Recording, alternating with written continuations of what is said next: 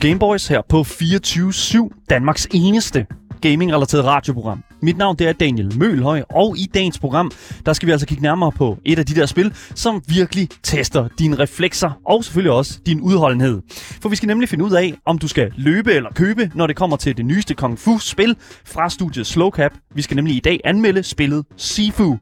Og øh, af den årsag, ja, så lad mig altså introducere min øh, fantastiske medvært her på Gameboys. Selvfølgelig spilanmelder Asger Bukke. Velkommen til programmet. Ja, du må gerne kalde mig Mester Asger Bugge. Mr. Sensei Ja, As- Sensei Asger. Sensei Asger? Ja, jeg skal Okay. være sensei i dag. God damn, okay, fair enough. Er jeg så din padawan, eller hvad, hvad er din... Øh, hvad er jeg? Det, det kan vi godt sige. Okay, fair enough. Vi ser på Student. det. Student. okay, vi, fair enough. Ind i dojoen i hvert fald. Ja. Jeg vil gerne velkommen alle i dojoen. Og en anden, som jeg også, øh, ved det nu, øh, selvfølgelig også gerne vil med velkommen, det er selvfølgelig den en tredje person, der sidder rundt om bordet. Fordi det bringer jo så over til programmets tredje vært, i hvert fald for i dag. For vi har nemlig altid, en, som altid har en brandvarm indiespilsanbefaling med til os her på programmet. Selvfølgelig leveret af ingen ringer end vores indiespils ekspert, Andreas Mijakin. Velkommen til programmet. Hej. Hej, hej hvad? Hej. Nå, hej. Nå, hej. Okay, hej. Okay, fair enough. Yes, okay, jeg skulle lige være helt med. Der var en kung fu joke i Ja, ja, det- der, jeg- det ikke det? Ja. Ja, det var Okay, det er skide godt. Øh, Du har jo, øh, Andreas, et uh, indiespil med til os i dag, mm-hmm. og det har du som, re- som regel en gang om, øh, en gang om ugen. Øh, kan du give et lille hint til, hvad, hvad du har med til os i dag? Hvad, hvad, hvad, hvad, hvad, hvad skal vi høre fra dig? Det handler ikke om en kop, har jeg fundet ud af. okay, hvad? Ja, En, altså en drikkekop, eller nej, hvad? det, er, det handler om en politibetjent, ikke en, en, en drikkekop. Ja. Ah, okay, nu skulle jeg lige være med. Så Sensei Asker og selvfølgelig Papa Mijakin, som uh, Laktian skriver her i chatten på Yes. vores Twitch-kanal. ja, tak, ja, tak. Vi er selvfølgelig live på Twitch, som sagt, hele programmets længde frem til kl. 16 i dag, hvor vi skal spille noget Sifu og have nogle hurtige reflekser klar. Jeg skal i hvert fald prøve det. Jeg prøvede lige at spille, øh, hvad hedder det nu, øh, en lille smule af tutorialen, mm. det er vanvittigt svært. Links til Twitch, hvor man kan se det, ja, det er altså selvfølgelig, selvfølgelig også nede i vores øh, podcast beskrivelse, hvor du både finder Instagram-link og Discord til fællesskabet, og den slags, det finder du på vores podcast beskrivelse, hvor du finder, ja selvfølgelig på podcasten, alle steder, hvor du finder din podcast. Hvis du vil sms til os, så kan du gøre, øh, også gøre det på nummeret 92 45 99 45. Og selvfølgelig også skrive til os i vores live Twitch-chat, som er lige her ved min venstre hånd her. Fantastisk. Så lad os bare se at komme i gang. Det er en god anmeldelse, der ligger og venter lige rundt om hjørnet. Så lad os se at komme i gang. Du lytter til Gameboys. Det er jeg enormt glad for, du gør. Tak for det.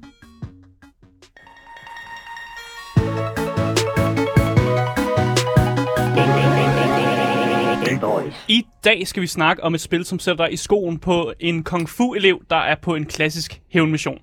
Vi skal snakke om et spil, som er så frustrerende ind til kernen, og virkelig kræver noget af dig som spiller, selvom spillets kernefunktioner faktisk er ret simple. Spillet er også ret kort, hvis du er rigtig god til det, fordi der er kun fem baner og fem bosser. Men det er de færreste, som er rigtig gode til det her spil. I hvert fald, når man starter ud. Man kan godt blive bedre, og så, du ved, blive en master senere hen. Men spillet, som vi skal snakke om i dag, det er nemlig Sifu.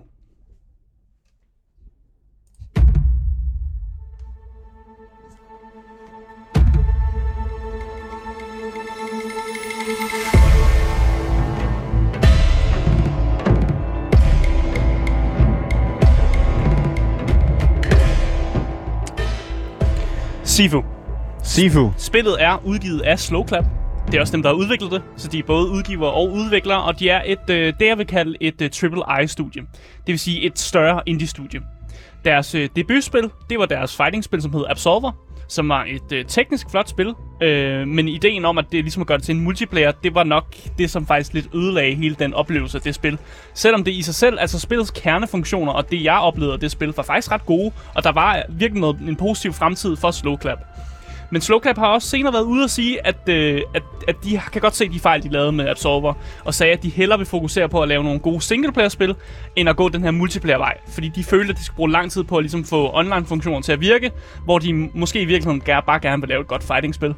Og det kan man så se, at det, det er de gået ud og gjort. De har gået ud og lavet det her spil, der hedder Sifu, som er et singleplayer-spil, som ikke har en snært af multiplayer overhovedet. Fuck, hvor er det bare vigtigt, Og mand. det synes jeg er en rigtig retning at gå med. Oh, det er så vigtigt for sådan et spil som for eksempel Sifu.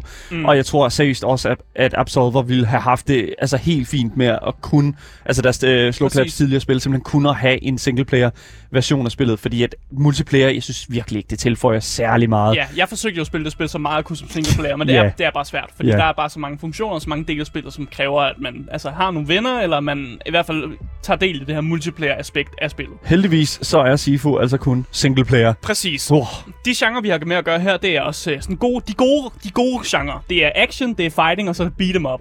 Det er, sådan, det er de rigtig gode genre. Man kan også kaste lidt kung fu over det, hvis man, hvis man putter den genre over det. Men det Ja. er bare nogle, det er bare et godt fighting-spil.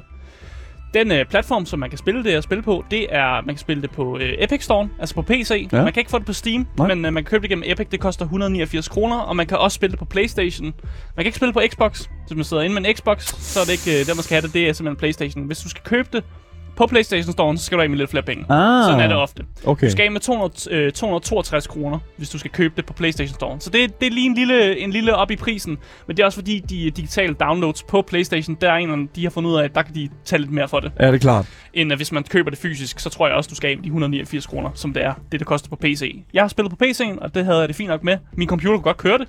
Og det synes jeg er formidabelt, at jeg har en lortecomputer og stadig kan køre øh, et, et, et, et nyere spil, som dog er blevet af et, et, et Triple I-studie. Men altså Sifu, hvad går det ud på? I Sifu, der spiller du som en unavngiven ung kung fu-elev, som ser sin kung fu-skole blive massakreret. Uh. Alle eleverne bliver dræbt, lærermesteren bliver dræbt, og lærermesteren er også din far. Så øh, både, både ham som lærermester og som far bliver ligesom dræbt. Øh, og det er simpelthen, fordi han ikke vil give nogen hemmeligheder fra sig. Hvad de her hemmeligheder er, det får man ikke lige at vide i starten af spillet i hvert fald. Nej, han, altså, alt det, det foregår jo i, i øh, starten, den her tutorial-bane, man kommer Mhm. mm-hmm. igennem. Du får lov at massakrere Men- alle på ja, skolen faktisk, lige præcis. som den onde. Som, som skurken. Det er sådan, tutorialen fungerer. Præcis, og det er jo det, som der, jeg synes, der er så fedt, ikke? Altså, sådan, man bliver introduceret til hele den her sådan, måde at komme ind i spillet på, sådan meget sådan, gradvist. Det er sådan meget sådan... Altså, du er slet ikke i tvivl om, hvad det her det handler om, Nej, lige præcis. snart du starter spillet. Du bliver kastet ind i action, og du får også lov at føle dig lidt sej. Fordi du får jo en eller anden ond kung fu øh, legende som bare får lov at nakke en masse mennesker. Og det er jo egentlig bare fedt, at man bliver smidt ind i alt det seje ved spillet. Fordi så ved man, at når man så kommer ind i første bane, og man ikke er så sej, så ved man, hvad der er på den anden side af, ligesom, af den, her, den her skill gap, hvis man kan sige sådan her. Øh, men i hvert fald, lad os gå tilbage til massakren. Back, back to the killing. Ja, i løbet af den her massakre, så bliver din karakter faktisk også dræbt, dræbt, men overlever på grund af en magisk amulet, som kan redde dig fra døden. Men samtidig med, at du bliver reddet fra døden, så bliver du også et år ældre. Uh. Så du undgår døden, men du bliver ligesom ældre. Det er det, den her magiske amulet gør. Og derfor beslutter du dig for at hævne din far og alle de her mennesker, som ligesom blev dræbt i den her massakre. Og det gør du simpelthen ved at træne op. Og da du bliver 20 år gammel, så føler du ligesom, det her, det er en, øh, jeg har trænet i 8 år. Jeg tror, man er omkring 12 år, da man bliver dræbt. Så træner man lige de her 8 år, så siger man simpelthen, nu er jeg, jeg er gammel nok til at tage ud og dræbe de her fem personer, som har været skyld i den her massakre. Og det er egentlig det, som Sifa går ud på. Det, det er et ret minimalistisk plot. Det kan godt være, at det virker lidt forvirrende, men det er super minimalistisk. Man, se- det er de fem første minutter af spillet, ser massakren, man beslutter sig for, de her skal dø. Fordi Ja. de har ødelagt min, de har, de har dræbt alle mine venner, min far og hele min familie. Super god. Jamen, altså, og det er det, så- og det Så kommer... det er bare en god revenge-historie, hævnhistorie, Lige præcis. Det er jo det, som vi- man kender ja. det fra mange kung fu-film. Ja. Men jeg synes egentlig bare, at vi skal hoppe over i noget gameplay, øh, fordi vi sidder nemlig og snakker om gameplay i Sifu.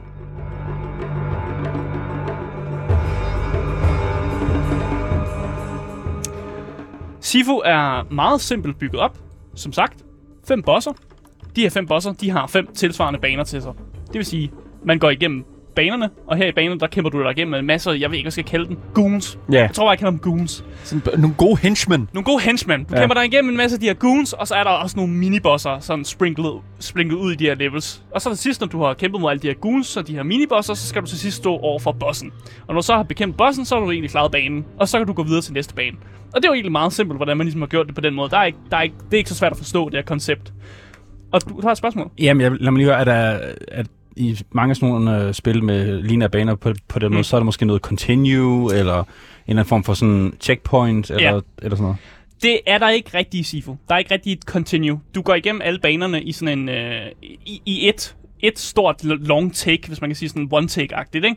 Og så hvis du dør, og du har lyst til at restart banen, så kan du godt nå nogle punkter, hvor du har collected nogle nøgler, som gør, at du kan skippe nogle ting og rent faktisk gå en anden vej igennem. Og det gør simpelthen, at hvis du har været igennem banen en gang, så kan du faktisk godt skippe nogle ting og komme til bossen hurtigere. Så det minder, altså hele det her system her minder mig enormt meget om den måde Dark Souls er bygget mm. op på. Øh, altså From Softwares sådan også lignende sådan øh, ret svære videospil. Altså det, det der er med det, det er jo, at du har den her åbne verden, sådan seemingly åbne verden, Ja. øh, som jo, øh, som din karakter jo bare kan rende rundt på her i det her tilfælde af Sifu. Mm. Og så har du jo de der, som du siger, Asger, de der sådan veje, du kan gå rundt. Det er det samme som i Dark Souls, Ja. men Continue er interessant, fordi i Dark Souls, der har du de der bonfires, mm. og det er der ikke så meget af her. Her har du bare den her sådan kontinuerlige vej, du ligesom, du skal finde, øh, finde fra A til B, og det kan du gøre på enten den ene eller på den anden måde. Ja, okay. og vi kan også godt snakke lidt om, om døden, om, mm. Om hvad der sker, når man dør i det her spil, men jeg vil gerne lige gemme det lidt. Ja, gør Fordi, det. som sagt, man kan igennem de her baner, så kan du samle spor, men du kan også samle de her nøgler, og det var det, jeg snakker om. Hvis du samler en, en nøgle, så hvis du på et tidspunkt beslutter for, at du genstarter banen, så har du stadig nøglen. Jeg er ikke sikker på, hvordan det giver mening historiemæssigt, men det tror jeg bare lidt, man skal ignorere. Man har bare en nøgle, som gør, at man kan åbne op for en dør og hurtigere komme til bossen. Og det gør jo, så skal du ikke kæmpe igennem alle de her mængde, store mængde goons, men bare kan gå direkte til bossen. Det kan være, at nøglen den repræsenterer den viden, der skal til.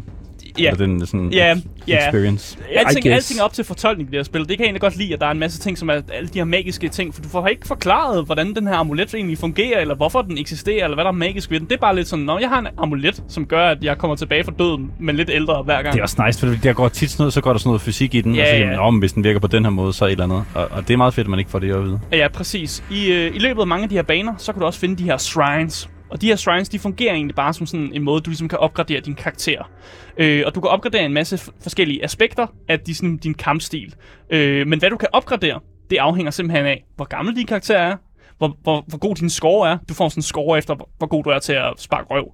Og så får du også noget XP af, hvor mange du har skidet en, et røvspark. Det, det, hvor mange du har... Altså det her, det er jo... Altså Sifu er vidderligt, øh, og det tror jeg også, vi sagde omkring Absolver, Mm. mm. øh, Slowclaps tidligere spil. Altså Sifu er 100% øh, tørre tæsk the game. Ja, præcis. Og jo bedre du er til at give tørre tæsk, og jo yngre du er, når du giver de her tørre tæsk, jo flere ting unlocker du ved de her shrines. Altså, man må ikke være for gammel. Præcis. Ah, Yes. Så okay. der er en idé om at, ligesom at restarte nogle ting, for at man netop kan nå de her shrines lidt tidligere, og måske med flere point, så man kan unlock nogle bedre ting. Men der Mm. er måske også en idé om, og måske at hæve din alder en lille smule, men det kommer du nok til i forhold til Asger, når, Ja. i forhold til døden. Ja. Fordi der, der sker nemlig også nogle ting, fordi at det er jo ikke kun en skidt ting at blive gammel. Nej, nej det, det kan også være en fed ting. Yes. Øh, I de fleste tilfælde vil jeg faktisk sige, at Sifu der handler om at være så ung du kan, i så Ja. lang tid som overhovedet muligt. Mm. Fordi du får fandme brug for din, øh, din alder, når du kommer mod de store, stykke bosser. Men lad os, lad os gå ind i aldersting, nu når vi er ved lad os gøre det. Hver gang du dør i løbet af banen, eller hvis du er i gang med boss, så vender du tilbage til livet, men du bliver også et år ældre. Og så er spillet rigtig ondt mod dig. Fordi hvis du dør ret hurtigt, efter du allerede er død en gang, så putter spillet ligesom mere på din sådan alderstæller. Jeg ved ikke rigtig, hvad jeg skal kalde den. Ja, så det vil ja. altså sige, at hvis du bliver ved med at dø til den samme fjende, eller til bossen, eller du dør bare mange gange i træk, så accelererer din alder bare derudad. Og det vil altså sige, at første gang du dør, et år til dine måler, så du stiger kun et år, så hvis du er 20, så går du op til 21, næste gang du dør, så er der to på, så går du op til 23, næste gang du dør, så stiger den med 3 op på 26, Så det er eksponentielt. 30, 35, 41, altså det kører bare deroppe af, og så hvis du bare bliver ved med at dø til den samme boss, så går det altså hurtigt, før du bliver 70 år gammel, og du tænker, holy shit, jeg bliver nok nødt til at restart hele levelet, fordi jeg, jeg er en gammel mand. det, går- det går jo ikke det her. Og, og det er lidt det hele delen med spillet med, at man skal ligesom, øh, man skal ligesom balancere den her måde med sådan, okay, nu bliver jeg gammel og sådan noget, men nu er jeg nødt til at restarte igen, for nu går det, det går ekstremt dårligt, øh, hvis man kan sige det sådan der. Øh, når du så dør, så kan du så vælge at putte noget XP ind i et skill tree. Øh, og jeg forklarede lidt dagen om det her skill tree, det er, at der er flere skills, man kan unlock, jo, jo yngre man er. Så når du dør de første par gange, så har du flere skills, du kan, øh, ligesom skal investere i, og så jo ældre du bliver, så er der mindre skills, du kan investere i. Men nogle af de her skills, der kan man også låse op for dem permanent. Og det vil altså sige, du investerer i en skill, og så bliver du bare ved med at investere i den, og så har du den permanent. Når du så restarter spillet igen, og ligesom er yngre alder, så har du stadig den her skills. Ah, så nu går der roguelike i den. Ja, så der går sådan lidt et, et roguelike element i, at det kan godt betale sig at, ligesom, at gå igennem spillet og måske dø en masse, og måske fejle en hel masse, men så har du en masse XP, du har en masse point, du kan, købe, du kan ligesom investere i nogle ting, og så når du så restart igen, så har du stadig de samme skills, og har ligesom mere, du kan lægge ovenpå. Så det er ikke all bad, at man, at man, at man dør. Nej, præcis. Du Uh, kan faktisk være, du kan være så dårlig, at spillet ligesom rewarder dig ved, at du kan få så investere flere skills på den Ja. måde. Det der også er med det, det er, at jo ældre du bliver, så er der faktisk også en scaling i den Ja. damage, som du giver. Præcis. Jo ældre ah. du bliver, så bliver din karakter øh, bedre til at give skade. Du mister til gengæld også lidt health. Det er jo klart, når man er lidt øh, ældre, så er ens øh, bones, de, øh, de, de, de er lidt brittle, yeah. eller de, de, er, de er lettere ved at crack i hvert fald. Men du er også blevet, på en eller anden måde, er du blevet mere hårdfør, og du, er, du er bare har lært, hvordan man skal slå et, godt sted, når du er 55 år gammel, i forhold til, når du er 20 år gammel. Mm. Så der er ligesom sådan, man kan godt vinde noget ved at blive gammel, og ligesom det er lettere at komme igennem nogle baner, når man er gammel, fordi så giver man to slag til en dude, og han falder om, fordi du, du bare giver mere, øh, mere et damage, hvis det er så. Ja, ja. Hvis du samtidig kan klare de her baner hurtigt, uden at dø, og det er jo det, jeg anbefaler, så kan du faktisk vinde nogle år. Og det, det hele spil, spillet handler om, det er faktisk at vinde dig selv så mange år, til når du så kommer mod de, de store ting. Fordi jo yngre du, jo yngre du ligesom er, jo, jo, jo mere år har du at give af. Men jeg vil egentlig også bare gå over i nogle... Øh, jeg tror, jeg vil gå over i nogle controls her i spillet også. Ja, fordi dem er der fandme mange af. Nej, det er der faktisk ikke. Jo, jeg synes det. Og Nej, det, det du er der siger nej, men det, det, det, allerede i de fucking Det- to minutter, jeg fik, der var det virkelig sådan, Det okay, er ikke. Jamen, stop med at sige, der Det ikke er det det. Asger. Ja, nu går jeg ind i det. Nu går vi ind i det. Jamen, så gå ind i det. i controls i spillet er med vilje super simpel. Og nu ved jeg godt, at Daniel siger, at det er ikke simpelt. Men det, er, det, der er det svære her, det er timing og perfektionering. Og jeg tror, det er det, du, du mistaker for, at, at der er nogle hårde controls her. det Nej, er det, der er ultra svært. No. Perfektionering og timing er svært. Nu forklarer jeg det. Okay, okay Daniel, det. og så, Ja. må du, så må du blive sur på mig bag. Nej, men jeg bliver ikke sur. Du har fast attacks. Du har heavy attacks. Det er det.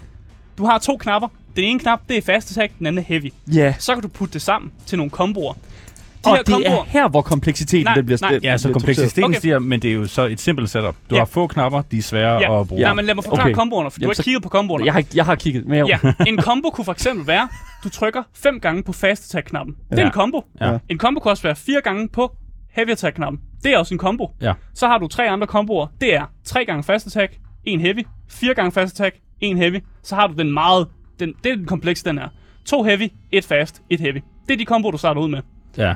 Men Er kan det ikke man meget sige, simpelt? Ja, Yes. altså, der er jo permutationer og, og Ja, altså, ja, ikke? præcis. Og det, så handler det også om at finde ud af, hvornår man skal bruge de, de rigtige. Ja, Men du du, kan har godt- kun to knapper, jeg vil våge at påstå, men jeg vil våge at påstå her, du kan sagtens komme igennem spillet ved bare at spamme X-knappen. Fordi der er en combo, der er bare 5 gange X. Okay, ja, Mm. men okay, jeg- hvis jeg lige hurtigt må komme ind her, fordi det der er med det, det er jo, at, at når du netop står i det, jo, det er simpelt sat op, og Mm. mm. jo, der er to knapper, Ja. men det der er med det, det er, at du har øh, elementet af timing, og du har elementet af det her med sådan, at der også er nogle folk, der kommer imod Ja. dig. Så hvis det ikke sådan, også lige det, jeg sagde i starten? Jo, S- men- simple, simple knapper, men timing og perfektionering er det svære. Men det, jo, lige præcis. Ja. Ja. Men det er der, hvor jeg, jeg synes, at du siger, at controlsene er holdt simple. Mm. Ja, for, ja, men jeg føler måske stadigvæk, at hvis det er sådan, at du skal blive rigtig god til Sifu, så skal du virkelig altså, fokusere på den her kompleksitet. Og det kan være rigtig, rigtig svært. Mm. Og det er det, som jeg siger, som udgangspunkt, så, og det siger du, sagde du også selv til mig, kan jeg huske, Asger, da, da jeg sådan lige satte mig ned her øh, til formiddag med Sifu, så er der jo det, sådan, altså et kæmpestort leap i sådan learning curven. Ja. Her har du bare sådan introen, som er mega fucking nem, og så lige pludselig, så springer der bare en fucking øh, kompleksitet ind i, i, imod dig, som du er nødt til at få styr på. Det, der er med det, det er, at jeg mm. føler ikke, at Sifo straffer dig øh, så meget, for ikke at vide, øh, den er, altså være god til den her kompleksitet. Øh, ikke nu. Det er det, altså igen, hvad kan man sige, af hvad jeg har spillet, kan man sige. Men det Ja. vel, det er vel det, vi kalder easy to learn, hard to master. ja, Præcis. præcis. Præcis. Ja. Og for eksempel, hvis man skal øh, sammenligne det med Tekken eller sådan noget, der er jo 86.000 controls, og du skal også kunne alle komboerne. Præcis. Så der, der, der er det lidt, altså der, der er det meget svært. Så Ja. jeg kan godt se, hvad jeg skal mene med, at, at så er det lidt mere simpelt, du har kun to øh, knapper, Mm. mm. men spillet er så også det er meget mere kom, kom, kompleks, fordi du skal løbe igennem baner, og der er ikke kun én fjende. Og, Præcis. Ja, ja. Præcis. Ja. Det vigtigste ved det her spil, og det nu holder du fast, den vigtigste knap i det her spil, det er blokknappen. Den kan du holde nede. Hvis du holder den nede, så blokerer du faktisk bare tingene. Men hvis du er rigtig god med timing, så kan du nå at klikke på blokknappen lige inden du ra- de rammer dig, og så laver du det, der hedder deflect. Mm. Deflect er rigtig godt. Fordi det betyder, at så kan du få nogle hits ind på dine enemies, fordi de bliver sådan lidt øh, stunned, og sådan, de, de siger øh, og så kan man slå dem lidt. Ja. Men du kan også lave det, der hedder avoids, og det er det, som Daniel ikke helt har lært endnu, da jeg så hans gameplay. det kommer du til at lære. Ja. Det er det vigtigste ved det her spil, det er at kunne lave avoids. Mm. Avoids, det er simpelthen, når du holder blokknappen nede, og så flikker du lige din, øh, din controller, sådan, hvis du spiller på en controller, så flikker du lige analogstenen. Hvis du flikker den nedad, så laver du øh, sådan nogle avoids, hvor du avoider high attacks, og hvis du flikker den op, så laver du sådan små hop, hvor du så øh, sådan avoider, at de laver øh, low attacks. Det her er en super vigtig funktion, og jeg kan lige så godt sige, vær opmærksom på, at det her eksisterer, Daniel, fordi det, det kommer til at hjælpe dig rigtig meget. Er det fordi, man mister liv af at blokke også? Men eller, eller hvad? Det, Hvad er de- forskellen på et avoid og et blok? Præcis. Det, de har i uh, Sifo, og det, de som også gjorde i Absolver, det var, at de har sådan en måler, som er sådan et, en, en sådan, det, jeg ved ikke, man skal kalde den stamina, men det er lidt en, en, lidt en form for Sådan stamina. fatigue øh, gauge, tror Ja, jeg. Yes. man kalder præcis. Og hvis man bare står og blokker attacks, så bliver ens måler fyldt op. Mm. Og når den så rammer max, så bliver man selv stunned. Ja. Og sådan, øh, så står man selv som der, der og, og bliver ramt. Hvis man har spillet uh, Sekiro Shadows Die Twice, mm. uh, også et uh, From Software-spil, så er det faktisk et lignende system, som Sifu kører med. At du har sådan en... Altså, det er faktisk temmelig meget sådan det samme, også udseende og sådan, at din modstander har et gauge, øh, sådan et, hvad kan man sige, blocking gauge, og når den ligesom makser ud, så kan du lave sådan et, et combo på den. Ja, så kan du lave Øh, finishing move på dem. yes. Så, så ligesom at du har en måler, så har fjenderne også en måler. Mm. Så I har, begge, I har begge to de samme forudsætninger, når ja. I kæmper mod hinanden. Og det er egentlig ret fedt, at de egentlig har lavet det her med, at det er samme forudsætninger, I kæmper for egentlig. Bortset fra, at dem, du selvfølgelig kæmper mod, de kan ikke bare leve op igen, når de dør. Nej. Eller hvad? Fucking unfair. Der er nogen af dem, der kan. Ja. Det er, det, er, det er en ting, vi tager, når vi spiller spillet, tænker jeg. Det er. Ja. ikke super vigtigt. Nej. I hvert fald, et godt tip til nye Sifu-spillere, det er virkelig at fokusere på en defensiv. Fordi der er en eller anden ting med, at det bedste offensiv, det er et godt defensiv. Mm. Og det er rigtigt nok i det her spil. Det lærer man på en måde. At man kan ikke bare spamme knapper og bare tæske løs på folk. Det er rigtig sjovt i starten, fordi det virker.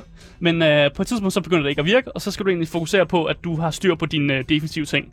Men det, det tænker jeg også er vigtigt, når man laver et kampspil, at, at få mm. de der con- controls og de der små øh, vinduer til at, at gøre ting, det, det skal være helt perfekt. For hvis der er noget, Mm. mm. fighting folk elsker, så er det netop lige at lande det der, øh, det der sådan helt, den der helt perfekte combo ja. Med det der mini-mini vindue. Ja, og du bliver straffet rigtig hårdt, hvis du for eksempel kommer til at lave et øh, low avoid, fordi du har avoid noget, der er nede ved benene, og der er nogen, der slår højt, så vælter du, og Ja. så bliver du fucket op. Så hvis Okay. du begynder at, at bare flikke din øh, analogstik, fordi du tror, du kan avoid alting ved at bare gøre det, så er det heller ikke rigtigt. Der skal være ligesom noget tanke bag, og ligesom du skal time det. Okay. Men lad mig gå over til det her med at samle objekter op. Fordi i løbet af Sifu, der kan du faktisk... Det er jo kung fu, og det er, det, de er meget inspireret af den her Jackie Chan måde at kæmpe på. Og der bruger man sit environment. Man bruger det, man står i, de settings, man er i. Og det vil sige, at der er nogle objekter, du kan samle op. Det første objekt, man støder på, der er rigtig godt at samle op, det er sådan en god pipe.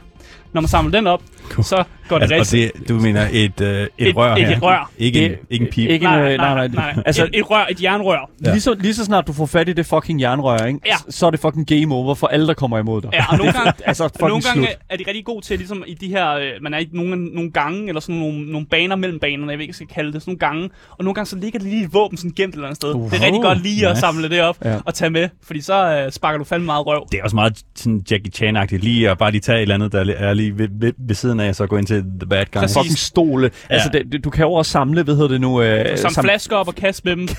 Du kan, Nå, nå, nå. du kan købe en skill, som gør, at du kan bruge øh, sådan, st- hvis der er små stole eller små objekter, så kan du sådan sparke dem og sådan få folk til at falde over de her objekter, som du sådan sparker ind mod dem. Ah, det er fedt. Det er en rigtig fed ja. skill. Den kan jeg også anbefale at tage, ja. hvis man, er, hvis man, hvis man ja, vil gå den vej. Du har også en hopknap. Det bruger du ikke så super tit, men den er ret, der er nogle baner, hvor det er ret fedt at kunne vault over noget, og ligesom få noget afstand mellem nogle fjender, og på den måde, når der for eksempel er 10 fjender, der går mod dig, så er det ret godt at kunne lægge noget afstand og tage nogle af dem en af gangen. Så den, det er bare en hoppeknap, der er her. Og så til sidst har du din løbeknap, men din løbeknap kommer også med et lille dodge. Øh, og det her dodge, det er rigtig godt i starten, bliver rigtig ubrugeligt længere hen du kommer i spillet. Det er mega fedt, at man lige kan lave sådan en lille hop til siden, eller lige et hop bagud, for ligesom at få noget afstand, og ligesom lige, lige reset hele situationen, og lige se, se det hele an, at man lige kan hoppe lidt tilbage. Så et godt tip, det er at lade være med at afhænge af den her dodge-knap, men i stedet for at blive god til ligesom, at lave de her avoids, som det hedder, eller være god til at deflekte ting. Altså bruge blok-knappen, i stedet for at bruge de her dodge-knap. Så lad være med at afhænge af den. Fordi der er mange i starten, der gør. Det gør jeg også. Jeg kommer også til at bruge det rigtig meget, og så ender det med at sparke. Man bliver selv sparket i røven af det, når man begynder at bruge det. Men som nævnt tidligere, vi snakkede lidt om de her improviserede våben. Øh, og dem kan jeg jo anbefale, at man bruger, fordi at når man løber rundt med dem, så er det som om, at fjenderne de har ikke noget liv, fordi når man peger, giver dem med, med en, et jernrør to gange i hovedet, så er de bare toast.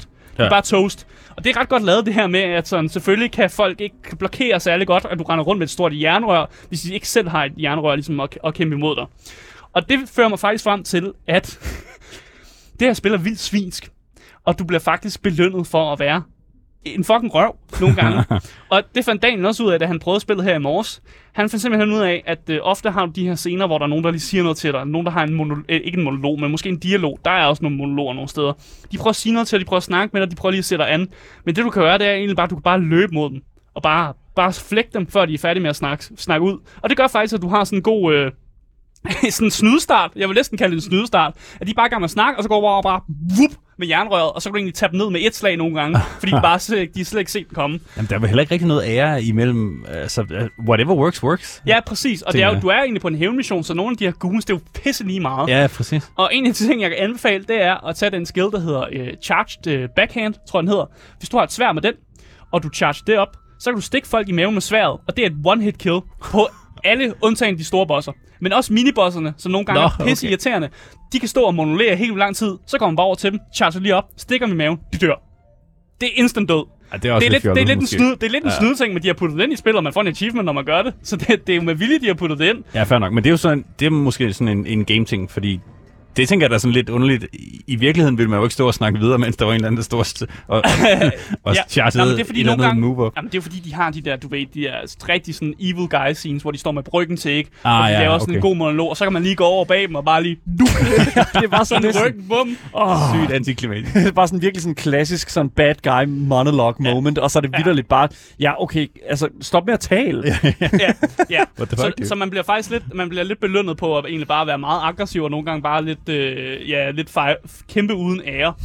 Ja, det er virkelig sådan tit, enough talk, let's fight. Ja, ja, virkelig også. Og bare altså, samle alting op, brug det. Mursten, Ja. flasker, alting, der er på banen, der kan samle op, brug det. Men Lad får, være med at man får ikke sådan traditionelle våben i løbet af, Man får sådan af, af spillet. Pind, og man det- får sådan små svær, Der er ikke- sådan små, jeg ved ikke, hvad de kalder de der små samurai-svær. Ja, de, er de små, shorte katanas. Ja, Ja, altså, altså, præcis. okay. Men ellers får du ikke rigtig nogen traditionelle våben. Du kan Nej. også, der er en, et museumslevel, hvor du kan kaste med sådan en museumsgenstande. Fucking fed, at der bare er her mange af de her genstande, man bare kan samle op og bare begynde at, og bare fyre dem mod sine Okay, så fjender. det er sådan noget street kung fu, øh, Ja, ja. Ja, altså bare hånd til ansigt-agtigt. præcis, Ja. everything goes, ikke? Og, og Ja. de er heller ikke bange for at sparke hinanden i skridterne. Og, sådan, og Jamen, det er jo bare det, der er ikke noget ære imellem øh, Nej, der er, der er fandme ikke noget ære her. der. Og du skal bare endelig bruge det. Hvis du finder et eller andet angreb, der virker, der er sådan en godt sweep attack, som bare gør, at man, man fælder folk, som går ned på jorden. Brug det. Det er Ja. pissegodt at bare vælte dem hele tiden og bare give dem nogle bank, mens de ligger på jorden. Ah, det er altså nok, sådan nogle har snydetricks, alle de her cheese tricks, Ja. som vil være pisse irriterende, hvis du spiller Absolver, og der nogen, der gjorde det mod dig. Ja, ja, ja. Det er det, du skal bruge nu. Ja, For ja, du skal være pisse nederen mod dem, fordi der sidder ikke en spiller bagved. Det er en AI. Det må du godt være pisse nederen overfor, og Ja. give dem en dårlig dag. Fordi de kan, de kan jo ikke have en dårlig dag. Det er en AI. der står også, at Lars han skriver her i vores uh, Twitch-chat, årtusind gammelt artefakt. Yeet! Jamen, det er virkelig rigtigt nok. Bare altså, tag ting, kast med dem. Og jo flere ting, der er kast med, brug dem for, hel- for helvede. Bare Ja. samle det op, tag det med. Det jeg også vil komme ind i her, det er, til sidst i, sådan gameplay-ting, det er, spillet er ekstremt frustrerende. Og det er pissehammerende svært, hvis man i, i forvejen godt ved, at ens reaktionsevner måske ikke er de bedste. Så, er det, så vil jeg faktisk sige, så er det ikke SIF, du skal købe. Du skal være meget, du skal være meget i send med dig selv, og ligesom vide, jeg vil ikke kunne spille det her spil, fordi jeg bliver så frustreret, og jeg bliver så ked af det. Altså, ja, altså vi havde en lidt lang snak omkring det her med sådan, altså sammenlign, øh, sammenligningen med Dark Souls, og, ja. Og hvorvidt at det her, det er et Dark Souls-spil. Men jeg tror ærligt, at folk, der er gode til Dark Souls, måske også vil være relativt gode til sådan den her, øh, til Sifu. Det vil jeg tro. Ja, fordi det gameplay er sådan meget sådan rytmisk, og Mm. er meget sådan, altså sådan... Altså, hvis du er virkelig dygtig til at parry i uh, Dark Souls, det her sådan også meget timet sådan Mm. mm. counterattack, når en fjende sådan slår ud efter dig, øh, så, altså, så tror jeg ærligt, at Sifu lugter lidt af det samme, Præcis. øh, rent gameplaymæssigt i hvert fald. For De går jeg- også meget efter det der hul, hvor man lige skal Præcis. avoide al skade, og Ja. det har du måske en mikrovindue til, og så, så kommer de med skaden bagefter, så tankegangen er jo en til. Ja. Ja. ja, præcis. Fordi jeg vil også bare sige, jeg har aldrig i mit liv været så frustreret, som jeg har været, når jeg har spillet Sifu. Jeg tror aldrig nogensinde, jeg har røget, eller jeg, ikke røget, men sådan råbt efter min computers, computerskærm så meget, som jeg gør, da jeg spiller Sifu. Og det, det, det siger noget om, Det er jo jeg, imponerende. Du, vi har jo været med til Asger spil og spiller alt, alt muligt herinde. Så, Ja, ja, Asger, der råber jeg ikke af ja. skærmen. Der er det bare, der er en anden, det er en anden slags frustration. der Det er- råber han af mig. ja. Nej, det er virkelig en frustration i mig selv, at jeg ikke kan finde ud af det her, fordi jeg godt, jeg ved jo godt, jeg skal dodge på det her tidspunkt, men jeg gør det bare ikke. Sådan noget agtigt, ikke? Man bliver virkelig sur over sig selv. Øh, og det kræver det bare lige, at man har det ekstra gear, at man lige kan, kan tage sig selv i det her, fordi ellers så skal man ikke spille Sifu. Så det, det, er en, det er en, eller anden en warning på en eller anden måde for folk, der måske ikke er gode til det her. ja. Hvad var det, du prøvede at sige? Øh, controllermæssigt dag, for eksempel, jeg bliver meget frustreret, når man godt vil noget, men at spillet ikke rigtig tillader det, fordi det er lidt tungt, og den lige skal færdiggøre nogle animationer. Det er og meget, sådan noget. ja, Sifu er meget snappy. Det er Okay, meget snappy. ja. Det er nemlig mega altså, vigtigt. alting føles virker som om, det er fucking din fejl. Og det, Ja. jeg tror, det er Ja. derfor, jeg bliver ekstra frustreret. Fordi jeg har, kan, jeg, nogle gange så kan jeg ikke have lov at blive frustreret over spillet, og så bliver jeg bare nødt til, jeg bliver nødt til at råbe af et eller andet. jo. Asger bad. Jamen virkelig, virkelig. Så er der også det her med, at spillet virkelig hopper i niveau. Øh, ja. For mig, så var der en virkelig mærkelig sådan, niveaustørrelse. Du har bane 1. Det var super easy for mig. Jeg kan også se, at dagen har det okay med de første par goons i level 1 og sådan noget. Bane 2. Omega fucking svær. Kæmpe leap. Der er et kæmpe league fra bane 1 til 2. Det er bare sådan, du tror lige, du, du har styr på det i bane 1, og så kommer bane 2 bare, og du er bare sådan, fuck, hvor er man dårlig. Så kommer bane 3, som er sådan lidt semisvær, men sådan, det gik fint nok. Og bane 4, den klarede jeg legit i første for- forsøg, uden at dø særlig mange gange. Så der er... Og man der, skal tage dem i, i rækkefølge man, på den måde? Ja, man kan restart dem. Okay. Så for eksempel. Yes. så kan du, hvis du har spillet bane 3, så kan du altid hoppe tilbage til bane 1 for at se, om du kan vinde dig selv nogle år, og så på den måde køre op igen. Mm. Ja, fordi det ved jeg ikke, om du har forstået, men hvis det er sådan, du, Nej, giver, hvis du går forfra, altså hvis du starter en bane forfra igen, Ja. så de år, som du ligesom har brugt på at komme igennem banen, dem, de går tilbage igen. Ja. Nå, Så- og så kan du klare den på kortere tid, og så Ja, er du altså, okay. Ja, lige du, præcis. du prøver at spare dig selv nogle år. Så det, Okay. det kræver jo også det der med, at du når måske til bane 3, og du er 75 år gammel. Du kan godt se, jeg kan ikke komme videre herfra. Jeg Ja. viste dig lige for at vinde mig selv nogle år. Og så på den måde, de skills, du ligesom har taget med hele vejen til bane 3, dem har du stadig med dig. Men du restarter bare og ligesom gør, prøver at klare dig bedre. Det er en virkelig interessant måde at, Ja. at sådan Ja. ja. Genindvente den her, de her traditionelle liv på. Ja. Fordi Ja. ja. normalt så plejer man bare at have de der fem liv, og sådan noget nede på 0, så er du død. Det her er jo noget helt andet. Det er mega fedt, at de sådan Ja, og nogle gange, på den måde. nogle gange kan du også godt acceptere det der med, at jeg døde kun én gang, fordi jeg mister kun et år. Det er det der problem, når det begynder at accelerere, ja. Ja. at det bliver et problem, og Ja, du bliver nødt ja, til lige at fange dig selv og sige, okay, måske skal jeg restart, fordi nu accelererer min år altså med, med 10, hver gang jeg dør. så det, det kører ikke, det kører Ja. ikke så godt for mig. Nej. Og jeg bliver altså også allerede med, øh, ved at sige det nu. I bliver nødt til at øh, sluge jeres øh, sådan stolthed. What? På en eller anden måde. Jeg synes, det var mega stolthedskrænkende på en eller anden måde, at jeg var nødt til at kigge på nogle YouTube-tutorials, der forklarede mig, hvordan jeg banker bosser. Fordi Asger! Jeg har aldrig nogensinde stået i en situation, hvor jeg har været, ligesom, hvor jeg har været sådan, at jeg, blev nødt, jeg ved ikke, hvordan jeg skal banke den her boss. Så jeg gik ind og kiggede på en, en dude, der på, på fem minutter forklarer en, det er sådan, at man gør det. Ja. Og så gik jeg ind i spillet og gjorde det bare. Det er jo ja. Come on, mand. Det er jo 100% sådan, jeg har spillet Hollow Knight. det, ja, Ja. det, det, er også sådan, jeg spiller Ja, men- alt andet. Men altså, det er ikke sådan, jeg spiller spil. Jeg, Nej, bare, fair nok jeg kan godt lide at finde ud af tingene selv, og finde en, en, min egen metode for, hvordan jeg kan gøre tingene, men jeg fandt ud af, at min metode virkede bare ikke super godt. Så jeg så en YouTube-tutorial og fandt ud af, at det var sådan her, man skulle gøre det. Ja. Øh, og derfor siger jeg også bare, det er okay at se tutorials, bare for jer, der, der sidder derude. Så du lytter til Gameboys her på 24-7, og vi er altså i gang med at anmelde øh, Slowclaps Kung Fu mm. øh, Extravaganza øh, spil, nemlig øh, Sifu. Mm. Øhm, Sifu, og vi har jo lige været igennem alt gameplay, vil jeg føler, Ja. at, altså sådan, i hvert fald en, en, en lidt sådan, hvad kan man sige, simplificeret udgave af det. Ja, jeg tror ikke, det, det er svært at komme helt ind i materien fuldstændig, det skal man Nej, man også skal sidde med det. sidde med det, Vi ja, lige kommer til at præcis. sidde med det, og så skal vi nok tage alle de der aspekter af det. Men noget, som du åbnede en lille smule op for i uh, introduktionen Mm. mm. til anmeldelsen her af Sifu, Asger, det var jo det her, sådan, den traditionelle sådan, hævn-historie. Ja. Kan du ikke fortælle en lille smule omkring sådan, hvad kan man sige, dit indtryk af historien til Sifu? Jo, jeg synes, at der ikke er super meget fokus på narrativet, men det synes jeg er en fucking god idé. Og jeg vil faktisk nå, næsten våge påstå, at Sifu er ufattelig minimalistisk med sin historiefortælling. Der er meget op til egen fortolkning. Og det er jo den her, som sagt, klassiske hævnhistorie. Det forstår man godt. Man forstår godt præmissen. Men, men din dvæler ikke med mange af de her plot points, som måske er, er i, i løbet af spillet. For eksempel de her overnaturlige elementer. Du har din amulet, den får du aldrig nogensinde at vide, hvorfor fanden den eksisterer, eller hvad den egentlig gør. Og hver gang du kæmper mod en boss, så gør de jo decideret det, jeg vil kalde magiske ting. Altså ting, som er overnaturlige, Ja. og der sker nogle gange også nogle overnaturlige ting i løbet af de her levels, hvor spillet bare er lidt er sådan et, ja, yeah, det sker bare. Og protagonisten, du er, er også har affundet sig med det, og egentlig bare en del af de her overnaturlige elementer. Ja, fordi du har sådan, det her det er endnu, åh, jeg elsker at bruge det her udtryk en gang, mm. når vi endelig får lov til at bruge det, quasi-lore. Ja. Ikke? Altså den her, sådan, hvad kan man sige, quantitative, altså sådan, så små sådan brudstykker af sådan historien, som bliver sådan givet til dig. Der er nogle ting, du ikke får forklaret, så er der nogle ting, du får forklaret. Ja. Og man Og- kan også ja. samle de her små spor, som ligesom også forklarer lidt mere backstory til Ja. nogle af de her sådan mini, eller de her bosser, som egentlig er i løbet af spillet og sådan noget her. Men jeg synes alligevel, du skal kalde det quasi men jeg synes alligevel, det er mere sådan, en, der er ikke et rigtigt, rigtigt svar til mange af de her ting. Du kan selv ligesom fortolke på mange af de her ting, fordi de ikke rigtig, de, de giver heller ikke nogen hints mod, hvad der egentlig skulle være det rigtige.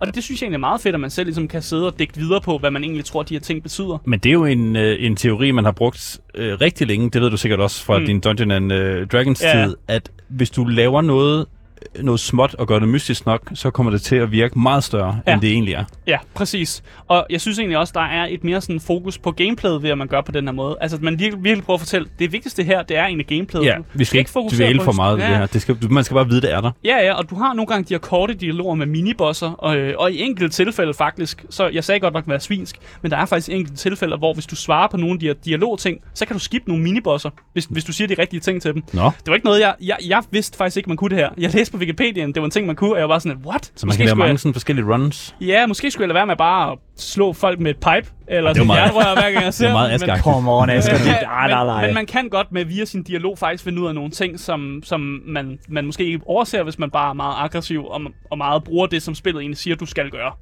Øh, men jeg synes egentlig bare, at der, altså, der er ikke så meget andet narrativt mæssigt at komme ind på. Nej, men ikke andet end, at, at jeg måske altså, Okay, føler... du har et spørgsmål. Ja, ja, ja, fordi at jeg har det jo sådan lidt sådan... Vi, vi snakkede jo en lille, om, en lille smule omkring sådan det, hvor det henter inspiration fra ja. Sifu. Og jeg synes jo, det kan være... Det er jo lidt interessant, fordi Fordi altså, jeg spottede allerede en, en ret så, øh, hvad hedder det nu, hæftig øh, sådan Mm. inspiration øh, fra, fra, fra, en anden, fra en film. Ja, præcis. Og det vil jeg faktisk gerne snakke om, når vi kommer ned i visuel lyd, fordi Uh. der har, jeg- jeg har noget til det. Ah. Så jeg Ah. synes egentlig bare, at vi skal gå ind i visuel og lyd i Sifu.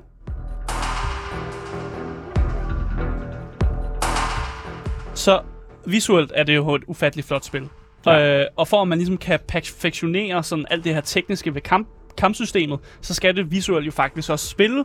Man skal ligesom kunne se, hvad man kan interagere med. Man skal kunne se, hvornår en fjende skal til at angribe. Og man skal kunne se, hvor der ligesom er plads til at lave sine moves og sit forsvar. Øh, og alt det her er der jo ikke, altså det er der jo ikke en, en tvivl om, at det er det i spillet. Det fungerer bare, øh, og at det bare spiller max. At du ligesom kan se, nu går fjendens angreb og alt det her, så, så det visuelle, det kører bare. Øh, og du ikke, altså jeg, jeg har godt nok råbt mange gange min skærm over det her.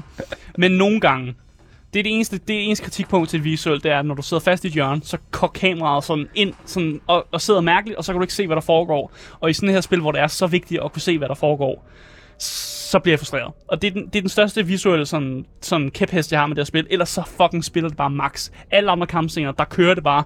Og jeg har ingen, ingen klager at sige om det visuelle ellers. Men, som du sagde, Daniel, spillet låner nogle visuelle stile fra sådan klassiske Jackie Chan-film. Og jeg Ja. læste mig også frem til, at de, det er rigtigt nok, de har lånt fra en hel masse Jackie Chan-ting, kung fu-film. Og i første bane, der træder du ind i sådan en lang, snæver korridor, og kigger ned og ser bare en hel masse goons. Og så panorerer kameraet sådan ligesom ind, og så ser du hele fra, sådan, fra siden af, næsten sådan T- 2D-agtigt. Og så får du bare lov at kæmpe dig igennem den her korridor af goons, mens du ligesom går ned. Og det er inspireret af den her film, der hedder Oldboy, med Jackie Chan, mm. hvor de har lavet alting i sådan et langt one-take. Og det er fra 2003, det ser ikke super flot ud sådan i forhold til det, man kan gøre nu, men det er i, det er i one take, det kører, og, og det, altså, det, det, det er bare sådan næsten en en-til-en måde, som Sifu også har gjort det på, bortset fra, at du ligesom får lov at være en del af det her øh, Oldboy-klip, og jeg kan se, at Daniel er ved at henklippe. Ja, jeg tog bare lige og, og, og fik en lille, fandt en lille smule frem, fordi at, altså, det er faktisk et ret interessant, altså vi øh, bare kan høre en lille smule af det, men det er sådan en, en interessant lille, sådan, det er jo sådan også et one-take-scene fra... Det er en one-take-scene, Øh, ja, lige præcis, hvor der jo netop, altså det er virkelig sådan lånt direkte derfra, sådan den måde, øh, hvor at, at, at der sådan, man har fokus på, kameraet fokuserer på helten, Ja. Og så har du ligesom den her sådan øh, pano, panorering, alt afhængig af, øh, hvor karakteren er henne. Dog i øh, Oldboy, så er det øh, alle de andre, der har røret, og ikke så meget, øh, hvad hedder det nu, øh, Ja. øh, dig som karakter. Han har en hammer. Og det, det synes jeg er fedt. Det er en mega fed scene, og det er mega fedt, at det er inkluderet på den måde der, fordi det er virkelig sådan en, Mm. en, en, øh, virkelig en vanvittig fed lille sådan øh, kado til altså noget, som 100% har, altså, Inspireret, ja. ja, lige præcis. Det er sådan en legendarisk scene. Men det mindste altså ikke den der med Jackie Chan. Det er en koreansk film. Ja. Jeg ved ikke, hvorfor du får øh, Jackie Chan fra Der står, at Jackie Chan var med i titlen til... Øh, Det kan godt være. der det, står, at han er med i den. Nå, ja, Han- det, Det kan godt være en være, koreansk film, men det kan godt være, at han er med i den. Ja, ja, Der står, han er med i den. Men det er, okay, det, Der Ja. står, han er med i den. Jeg mindes ikke, at det er ham, der spiller hovedet. Men det er også lige meget. Det skal, det, Ja. ikke, det skal det ikke ved. meget. hvis du ved, om uh, Jackie Chan er med Det er i uh, hedder det, Old Boys, så skriv ind på nummeret 92 45 Ja. 99 45. Bare lige for at komme forbi noget lydmæssigt også. Ja. Det sparker røv. Musikken sparker røv. Ja, men jeg skulle lige så sige, lige da det kom på i starten, for jeg har faktisk ikke hørt musikken til det. Det lyder så fedt. Det er mega Og fedt. det komplementerer helt meget det område, du er i. For eksempel nummer to bane, som foregår på en klub. Der har du den her kung fu musik. Jeg ved ikke, hvordan man skal beskrive det. Mm. Men du har også en bass, som spiller nedunder. For at Uh. gøre det her, det her sådan, at man er på en klub, og det bare siger duk, duk, duk, Ja. ja. duk, mens kung fu musikken spiller henover. Jeg synes, det er mega fedt. Åh, oh, det lyder fedt. Så har du også de her klassiske grunts hver gang. Uh, uh, uh, uh, uh. Og det kører bare, fordi grunts fungerer også som sådan et, et lydmæssigt cue til, hvornår du kan angribe. Mm. Når din fjende laver sådan et stort grunt til sidst i deres lille combo, så ved du, at nu skal du angribe. Så det er også et lille tip til at lytte efter gruntsene, fordi gruntsene fortæller jer, hvornår I rent faktisk skal angribe jeres fjende. Så lyd efter grønteriet, det er godt. Det er Ja. faktisk smart. Det har jeg ikke tænkt over. Ja. Nej, men det er jo også en måde for, hvis man nu er blind og spiller det her spil, så Ja, kan man ja, faktisk ret lydmæssigt... Hvis du, hvis du er blind og spiller spillet, Altså, det hjælper med så accessibility. hjælper det med Okay, accessibility. ja, accessibility, Ja. men, men direkte blind, ved jeg. Mås- Måske synsnedhæmmet. Ja, øh, synshæmmet, Ja, altså. synshæmmet, ja. Du ja. kan nok godt spille blind, fordi der er helt vildt mange lydmæssige cues til, hvornår du skal undvige, og altså hvor- hvornår du skal angribe. Det lyder som et speedrun. Ja, det er det måske. okay. Men altså, jeg har ikke mere at sige om det visuelle lyd, og jeg synes egentlig bare, at vi skal gå over til en, øh, en konklusion, om man skal løbe eller købe, når det kommer i forhold til Sifu. Der var sangen jo. Den er, Der var den jo. Den er fed. Jeg skal lige høre dig, inden du øh, konkluderer helt. Kan man ændre på sværhedsgraden i, i spillet? Nej. Det kan man ikke? Nej, Okay. du er... Det, Det er bare take it or, or leave it. Okay. Ja, Get good. Yes. Ja, ja, og det elsker jeg. Ja. Men øh, hvis du er ude på at virkelig udfordre dine gamerevner, dine reaktionsevner og dit fokus, så er Sifu et perfekt køb. Hvis du også er kung fu elsker, så, eller generelt glad for kampspil, så er der altså også der, man skal lægge pengene. Man skal dog væbne sig med tålmodighed, Nå kæft, hvor er du sej, når du får perfektioneret alle de her basale funktioner, og samtidig lige får puttet nogle ekstra skills om på, så føler du dig fucking sej. Man skal være klar på at spille de samme baner igen og igen, men spillet er også ekstremt givende, når det ligesom lykkes dig at klare, klare dig igennem de her baner på sådan en god tid i hvert fald.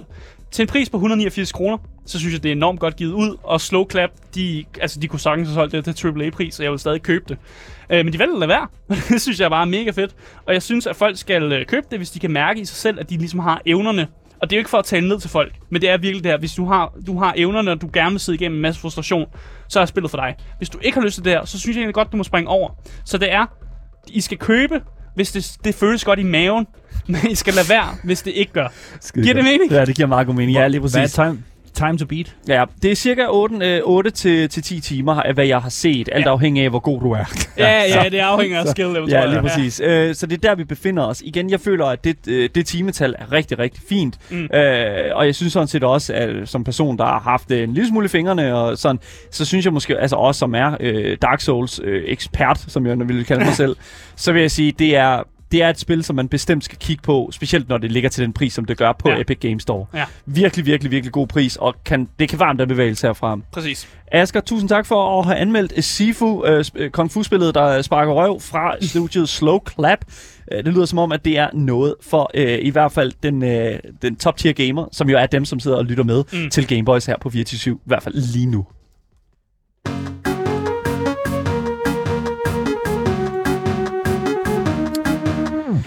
Vi skal jo videre. Det er jo ikke det eneste, vi skal snakke om i dag, fordi at, uh, Andreas, vi har jo dig i studiet, uh, Indiespilseksperten, uh, Tak. som jo har en verdens største uh, Indiespilsbibliotek. Uh, Verdens næststørste. Næ- næststørste, ja. Ja. selvfølgelig. Hvem har det største? Øh, det er et museum eller Det er et museum. Ja, okay, fair enough. Så, Det kan godt være, du er ret, faktisk. Det er det, tror jeg Ja. ja. også. Men det der er med det, det er simpelthen, at et- jeg skrev til dig i dag, og der sagde Andreas, hvad, vil, hvad har du lyst til at tale om i dag? Jamen, øh, jeg har lagt min telefon frem mig, så jeg kan, jeg kan faktisk ikke huske, hvad studiet hedder, dem der har lavet spillet. Men spillet, det hedder Beat Cop.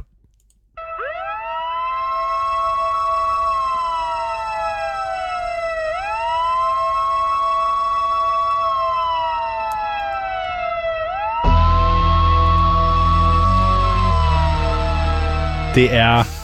Altså, lydbilledet her indikerer hele spillet. Ja, det er fuldstændig. Det skal lige siges, at uh, studiet er altså, hvad hedder det nu, uh, uh, på deres Steam-side her. Pixel Og Crow hedder det her. Pixel Crow hedder Og det er samlet op af 11-bit Studios, som Ja. jo øh, har publiceret nogle glimrende spil. Mhm.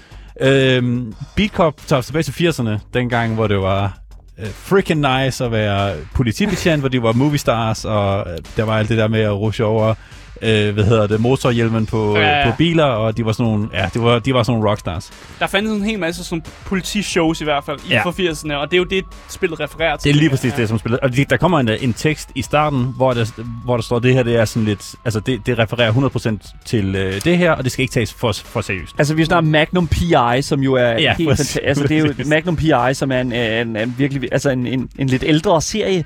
Ja. Øh, men, men, men virkelig en sådan... meget god stil til, ja. Lige præcis, men virkelig indkapsler fuldstændig sådan den der øh, stemning af sådan, du ved, sådan... Øh, Det, og det er også den der lone 80'erne. wolf, øh, hvad hedder det, hvad hedder det, sådan skyd for at spørge, øh, spørge bagefter cop ja. attitude. Og det er, det er Som sgu man ikke fedt. gør længere, fordi så Det- kommer man med problemer. Det gør man ikke mere, nej. Øh, med, altså i øh, andre lande end USA. Okay, så det der er med det, det er jo, at Beat Cop jo er, du, styr, du er, du er en del af den her politiforce i, øh, Ja. i en by. Jamen, du, start, altså, du, du, du spiller som en, der hedder Kelly, og øh, Kelly, han er framed for murder. Det ser man i starten. Han er, øh, hvad hedder det, han bliver kaldt op til The Senator, som så bliver dræbt. Øh, og så, så, øh, så, så, så bliver han ligesom taget for at gøre det. Ja. Og de får sådan rimelig hurtigt afklaret, ikke, hvad ham der, der gjorde det, med, og hvad hedder det, han blev framed, men han har angiveligt stjålet nogle øh, diamanter fra ham. Ah, Øh, og imens at det så bliver afgjort fra øh, Internal Affairs, så bliver han placeret helt tilbage ned øh, som gadebetjent, altså beat cop, han bliver demo- demoted eller fuldstændig sådan noget. demoted ned. Ja, og det er derfor, den hedder Beat Cop, altså det her spil her. Det er fordi, du spiller som øh, åbenbart noget, som vi først har lært i dag, Ja. ja. dag var en ting. altså en Beat Cop, en Street Cop. ja. En The- the patruljebetjent, beat tror jeg er det. det Ja. danske ord for Ja. det. Ja, så han, øh, ja, han styrer The Beat. Og øh, det er i Precinct 69, og han har fået altså helt nye øh, betjente, Nice. øh, eller kollegaer, øh, som, og, og øh, alle ved, hvad der er, er sket, og der er ikke nogen, som ligesom tror på, at Kelly, han egentlig ikke har øh, gjort det. Man ved godt selv, at man ikke har, har, har gjort det, men alle andre tror jo ligesom, at han, er, mm. han har øh, nakket Sanderson og stjålet hans, øh, hans diamanter. Mm. Øhm, så man bliver de- demotet ned til uh, Beat Cop, og man skal altså ud og begynde at få bøde, bødeblokken frem, og så skal man skrive en masse parkeringsbøder. Ah. Og, Ah, ja. You go. ja, der er alt muligt. Men man finder ret hurtigt ud af på, på det her beat, at der sker sindssygt meget. Der er fucking meget kri- kriminalitet. Mm. Og udover det, så er det også sådan rimelig almindeligt, eller det er i hvert fald ganske vist, at øh, de er sådan rimelig crooked, de her, øh, de her cops. Man, man kommer med sådan rundt. Det var 80'erne jo, ikke? Ja, lige Ja, præcis. præcis. God damn you, Manelli. Ja. Ja. Altså, sådan, det er virkelig Ja. sådan en typisk, så, hvis man har set uh, for eksempel The Other Guys. Jeg synes, det Ja, er ja, ja. en helt Ja, ja. fantastisk Præcis, film med præcis. Mark Wahlberg og Will Ferrell. Altså, det er sådan lidt af den samme, at der er sådan lidt sådan uh, lidt stolthed over det også. Der er også, uh, hvad hedder det nu, uh, Starsky and Hutch. Ja. Uh, så der, der er den der sådan stemning Det i det, det. At det er sådan lidt downtown, og de der, der er nogle af de der, øh, hvad hedder nu, politibetjente, der er sådan, prøver at bevise sig selv, og de, og de er... Men det er jo så Kelly, Ja. ja. der gør det. Ja. Ja. Fordi man, man bliver tagget med en, der hedder Fat Mike, der ligesom, show, der ligesom viser dig the, the, the ropes. Fat Mike. Og Ja. Fat Mike, han er sindssygt crooked. Han, Ja. Først lige, så går, så går han lige ind til italienerne og siger, jeg skal lige bruge en, en pizza, og så snakker de lidt om noget business, de har kørende, der er nogle penge, der, Ja, ja. der ligesom skifter hænder. Øh, og man kommer ned til The Blacks, det er så også en, det er, sådan, det er, det er jo bare et, en eller anden gang, som, som hedder det. Øh, og, og de er åbenbart super kriminelle, og der har man også lige lidt sådan nogle underhåndsdealings. Øh, og det, det gør man, fordi... Så, så Fat Mike, han tager virkelig mange øh, af de her... Øh, ja, han er super crook. han, bliver, han, Han tager bestikkelserne. Han tager bribes. Ja. Og, og, og han, han siger, at det er en sindssygt god idé lige at gå ind og du ved, hilse på folk og lige lave nogle, øh, nogle aftaler, Ja. for, fordi du får også information den anden vej. Ah. Så alle de der små fisk, det er lidt lige meget, fordi de hjælper dig med at få de, de, de store fisk, men det, det kræver, at du laver, at du sådan cutter alle de her deals. Så er Fat Mike faktisk en god betjent. Altså, han er en, en effektiv betjent. Det må man han, sige. er, han er etisk, han er en rigtig dårlig betjent. okay. Men øh, han bliver så også ret hurtigt i, i- i, i spillet efter første bane, bliver han så skudt, og man skal sådan, der er den her røde tråd i, øh, i hvad er det, spillet, hvor man ligesom skal finde ud af, okay, hvem, hvem prøver at nakke alle betjentene, mm. og, og man har 21 dage til at frikende sig selv, fordi så er den eneste, som ligesom tror på en, som er den her captain, øh, som er et meget, meget sådan vital link til at, og, øh, at frikende dig, han, han går på pension. Mm. Så du har altså spillet bare 21 dage, og så skal du prøve at få nok evidence til at frikende dig selv. Ah. Fordi Internal Affairs prøver ligesom bare at, at, at få dig ned med, med nakken. Ja, Okay, så, så- så hver gang ja. du laver noget forkert, så, så er Eternal Affairs, de er, de er klar. Ja, det er præcis der, Ja. Ja, og de sender også undercover folk ud for at holde øje med, om du tager bribes. Og, Ja, ja. Altså, så, Så- man kan tage chancen og sådan. nu har vi jo siddet og talt en lille smule omkring, det lyder meget som om, at det er motivationen for spilleren. Det er ligesom, ja. Ja. ligesom at du har det her, sådan de her 21 dage. Det, det, det er ligesom de dage, du skal fucking øh, finde øh, alle de her ting her. Ja. Øh, sørge for, at du kan rense, rense dit navn. Men jeg synes også, at vi skal gå en lille smule ind i øh, det visuelle aspekt Ja, ja. og et visuelt design af Beat Cup, fordi det synes jeg, det er en af de ting, som taler virkelig stærkt for spillet. Jamen, det er, det er også ret ikonisk. Det minder en lille bitte smule om øh, det andet spil, jeg nævnte før. Papers, please. Papers, Please, ja. øh, sådan ret, øh, det er sådan lidt øh, pixeleret, mm. men her der ser du det fra siden, hvor du ligesom går på det her beat, det her, øh, den her øh, øh, gade, Ja.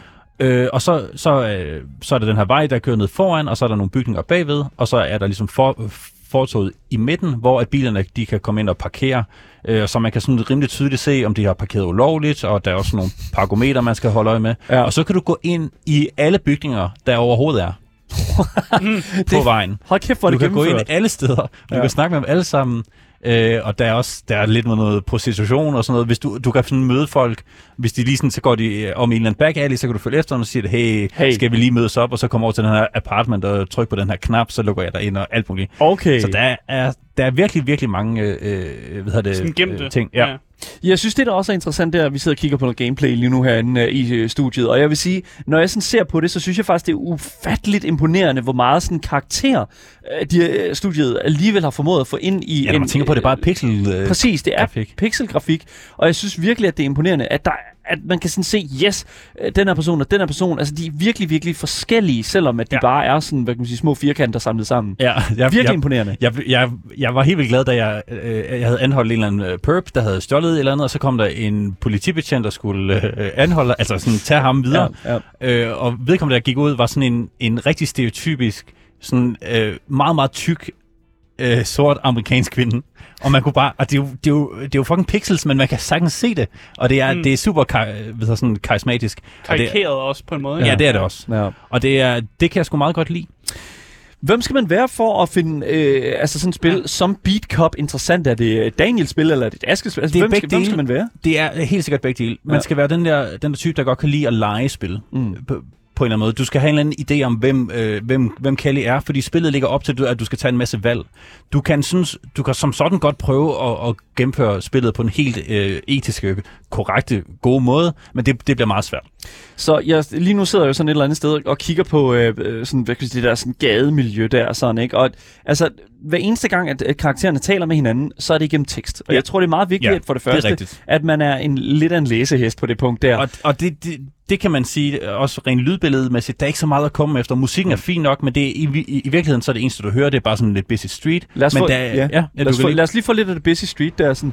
Det er det sådan set øh, bare lydbilledet af sådan, øh, når og, og det er mens nogen snakker. Så, Ja. Men altså, der er intet øh, snak. Nej. Så du skal læse alt øh, dialog selv. Og øh, ydermere så går det øh, automatisk videre, dialogen. Du kan godt klikke, så går det videre. Men hvis du ikke når at læse det, så går det, det venter ikke på, at du ligesom bare øh, trykker. Og det synes jeg er lidt ærgerligt. Ja. Øh, jeg missede lidt dialog, fordi øh, min søn begyndte at græde med det hele, så tænkte ikke lige at trykke escape, fordi jeg han står bare der og venter. Ja. Øh, men så da jeg kom tilbage, så var dialogen slut, og jeg var sådan, nå, okay. Okay. Det, det var lidt ærgerligt. Det er en lille smule ærgerligt, ja, fordi ja. Altså, det lyder som om, at, at meget af den her, sådan, øh, mange af de her karakterer her har meget at sige i hvert fald. Øh, og, det vil vel, og det er lidt ærgerligt, at du misser nogle af, som du siger, nogle Til af de gengæld her... siger, ja. altså, synes jeg, det er, meget, øh, det er meget fedt, at det ikke bare er NPC3, som siger den her Ja. NPC-ting. Det er meget sådan øh, personer, mm. og jeg vil, jeg vil lige starte med at, at, at sige, at hvis man er lidt sart over for sådan noget med banord og racisme, så mm. er øh, New York i 80'erne fra politiets side ikke det bedste sted. Det er snart det gør... Så det er en, lille, en warning. Ja, de er eddermame ikke rare. Man skal være klar på, at der kan godt være lidt uh, explicit uh, Ja, især fordi alle sammen hader jo uh, Kelly, og øh, øh, alle på gaden er halv kriminelle, så de, altså, der er ikke, ikke nogen, der kan lide en, og mm. de, de sviner en øh, øh, til.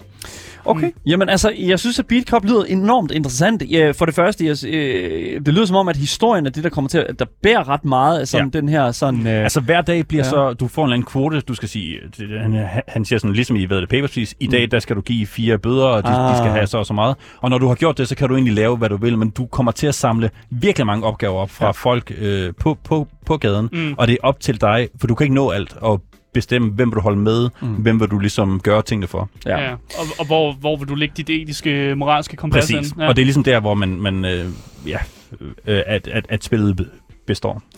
Spillet Beat Cup, som uh, Andres Mijakin har uh, anbefalet til os her, er jo selvfølgelig på Steam lige nu og ligger på en pris til 15 euro, som er omkring de 125-120 kroner. Det er jo en rigtig, rigtig god pris, vil du, Det er fint sige indepris. Ja. Ja. Altså, jeg synes, spillet det holder. Jeg synes, det holder... Øh, jeg, kunne, jeg kunne måske bedre lide Papers, Please, fordi det er meget mere øh, grim og dark. Mm. Øh, men, og det her, det er lidt mere let og sjovt. Mm. Mm. Men øh, de føles øh, sådan set meget ens, så hvis, hvis man kan lide den ene, kan man nok også lide den anden. Og de er begge to helt sikkert det værd at, at spille. Fedt. Jeg er virkelig, virkelig glad for det, fordi at, at det lyder, fordi i Beat Cup, der har du også en, øh, en, en god playtime på 8 timer. Mm. Øh, 9,5, hvis det er sådan, at man lige sådan skal have det ekstra sidste med der. Mm. Mm. Men for mig, der lyder det jo virkelig som om, at, at, at Beat Cup er til sådan de der lidt sådan, øh, lidt quirky. Hvis, hvis de ikke synes Papers, Please var lige sådan øh, for humørrigt, så lyder det som om, at, ja. At, at, at Beat Cup mm. lige krasser den altså, edge. Papers, Please, det rammer i, i føleren, hvor at Beat Cup, det er mere sjov og, og spas. Mega fedt. Andreas Mijakken, tusind tak for at komme herind og Tak anbefale Beat Cup. Kæmpe, kæmpe, kæmpe stor anbefaling herfra. Tak til jer, som har lyttet med på radioen. For jer, der kommer der nogle nyheder nu. Men vi fortsætter stadigvæk showet her på vores Twitch-kanal Gameboys Show, så kom ind og kig forbi. Vi skal spille lidt Sifu, spillet som vi har anbe- an- anmeldt her på programmet i dag. Mit navn er Daniel Mølhøj, og med mig i studiet har haft an- øh, Asger Bukke Yes. og Andreas Mijakken. Hey, hey. Vi ses igen i morgen til meget mere gaming og meget mere gaming. hej hej.